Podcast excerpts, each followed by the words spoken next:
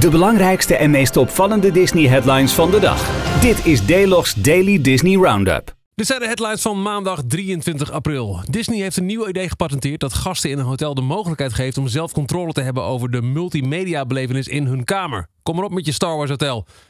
Onlangs al besproken in details, ook de Disney Resort wordt steeds groener. De nieuwe zonne-energievoorziening die eind dit jaar opgeleverd wordt, zal samen met de al bestaande zonneweiden 25% van de energiebehoefte van het resort kunnen leveren als het op piekcapaciteit opereert.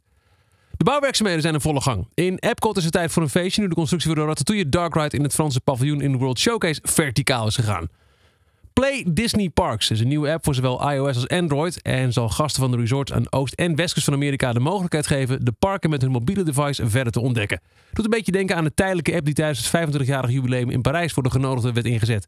De app is deze zomer te downloaden in de App Stores. In Anaheim's versie van Star Wars Galaxy's Edge lijken de projectiekoepels voor de Millennium Falcon attractie geïnstalleerd te worden. En een nieuwe tentoonstelling is aanstaande in het Walt Disney Family Museum in San Francisco. Nine Old Men laat je het werk zien van de vermaarde Disney-kunstenaars die de Walt Disney Company op de kaart hebben gezet met een grensverleggende animatietechnieken. De Disney Cruise Line Vacation Club en Adventures by Disney hebben een nieuwe directeur. Jeff Vaal neemt het stokje over van het bedrijfsonderdeel dat de komende jaren met drie cruiseschepen wordt uitgebreid. Er zijn details gelekt over de show Max Live, die vooralsnog eenmalig in het Van Days event te zien is in het Studios Park. De originele stemacteur heeft zijn medewerking verleend aan de audio. En verder kun je pyro en water effects verwachten. Evenals gastoptredens van uh, characters uit Zootopia. Gisteren vierde Animal Kingdom zijn 20ste verjaardag. Dat betekent ook dat er in 20 jaar geen nieuw park is geopend in het Walt Disney World Resort in Florida. Hoe lang blijft dat zo? Nu Universal stevig doorontwikkelt en naar alle waarschijnlijkheid bezig is met de ontwikkeling van het derde themapark.